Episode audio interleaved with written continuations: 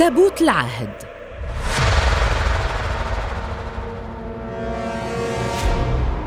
يقال أنها تحفة أثرية قديمة ويقال أنها تحوي نصوص التوراة الأصلية ويقال أنها تتضمن قوى سحرية تجعل كل من يستحوذ عليها ينتصر في أي معركة. هو تابوت نعم لكن لا أحد يعرف أين هو وما هي محتوياته.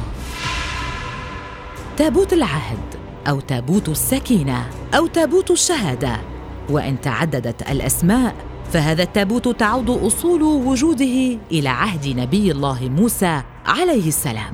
فتقول الديانة اليهودية أن الله قد كتب الوصايا العشر على لوحين حجريين وأعطاهما للنبي موسى عليه السلام عن طريق ملكين في جبل سيناء.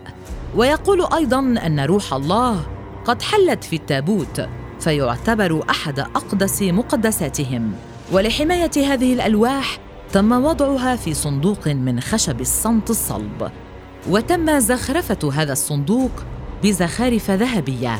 ويذكر أن أبعاد الصندوق هي في الطول ثلاثة أقدام ونصف وعرضه قدمين أو يزيد قليلا. وله حلقتين من الذهب على جانبيه. كما يوجد نقشين للملائكة فوق قمته. أما عن غطائه فكان يسمى غطاء التكفير أو مقعد الرحمة. ليرافق الصندوق موسى عليه السلام وبني إسرائيل أينما ذهبوا. وخلال معاركهم أيضا حيث كانوا يعتقدون أنه يجلب لهم النصر. إلى حين حفظه في الهيكل الأول الذي بناه النبي سليمان عليه السلام في القدس ويسمى بتابوت العهد. وبعد السبي البابلي ودخول القدس على يد نبوخذ نصر تم إحراق الهيكل كاملا بجميع محتوياته. فيقال أن التابوت أحرق هناك إلا العصي التي يحمل بها. وذلك في النص الذي يقول وهي ما برحت مكانها إلى يومنا هذا الرواية المسيحية تكاد تكون مشابهة جدا للرواية اليهودية.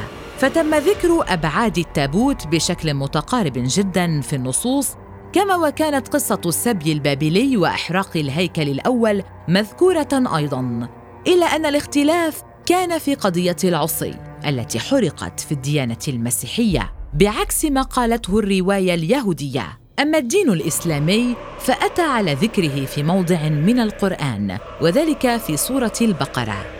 وقال لهم نبيهم إن آية ملكه أن يأتيكم التابوت فيه سكينة من ربكم وبقية مما ترك آل موسى وآل هارون تحمله الملائكة إن في ذلك لآية لكم إن كنتم مؤمنين.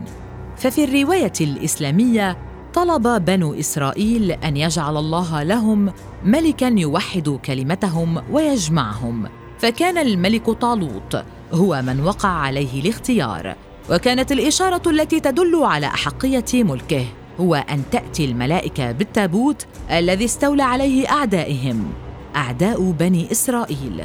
كما تدل الآية الكريمة على احتواء التابوت لأشياء من موسى عليه السلام وأخيه هارون فيكون رمز اعتزازهم وقوتهم وأن يؤلف بين قلوبهم. ومن الأشياء الموجودة يقال أنه يحتوي عصا موسى عليه السلام التي انتصر فيها على سحرة فرعون وأن فيه نجمة داوود وفيه اسم الله الأعظم الذي إذا سئل به أجاب وإذا دعي به أعطى.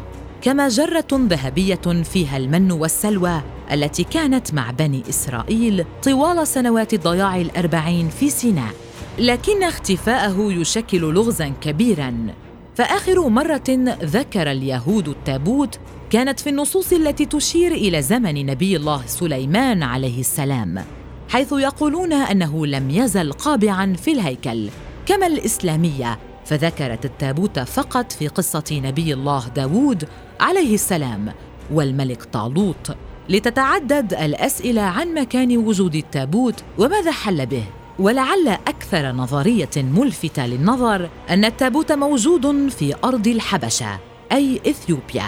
فتقول الأسطورة أن ملكة سبأ قد تزوجت النبي سليمان عليه السلام لتنجب منه طفلا ذكرا ليسافر الأخير إلى القدس حيث والده ليلفت نظر الكهنة لشدة ذكائه وحنكته مما آثار الغيرة لديهم ليطلبوا من نبي الله سليمان أن يعود ابنه إلى سبأ فقبل النبي بذلك بشرط واحد أن يذهب معه إلى هناك أبناء الشيوخ وأن يأخذوا تابوت العهد معهم. وهذا ما حصل فأخذ ابن رئيس الكهنة التابوت إلى إفريقيا ليؤسس ابن النبي سليمان القدس الثانية ليقال أن التابوت في معبد لاليبالا الذي تحول لكنيسة لكن مسيحيي إثيوبيا يؤمنون أن التابوت لم يزل لديهم. وهناك فرضيات أخرى تقول أن التابوت في فلسطين. فيقول ليان ريتماير وهو عالم آثار قام بإجراء اختبارات على جبل الهيكل في القدس ويعتقد بأنه قد عثر على الموقع الحقيقي للهيكل الأول. ويدعي ليان ريتماير أنه اكتشف قطعة من صخور الأساس التي تطابق أبعاد تابوت العهد تماماً.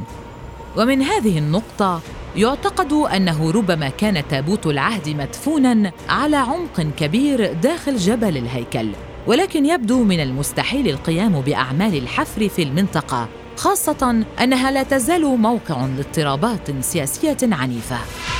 وتقول فرضية أن فرسان الهيكل قد عثروا على التابوت وأخفوه.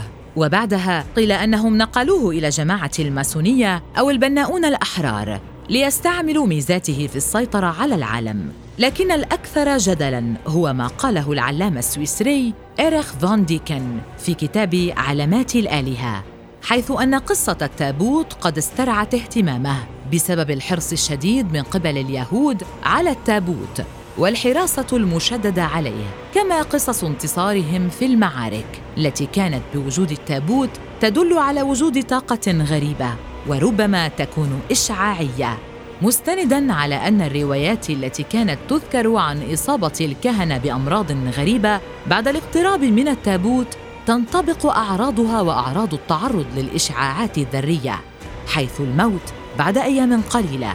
كان مصير كل الكهنة الذين اقتربوا منه والطقوس التي كانوا يمارسونها ما هي إلا أساليب للوقاية من الإشعاعات لكن دون جدوى. تتعدد النظريات ويبقى الجدل إلى اليوم حول التابوت وماهيته ومحتوياته. وهل هو موجود على الأرض حقا أم لا؟ أم أنه قد دمر؟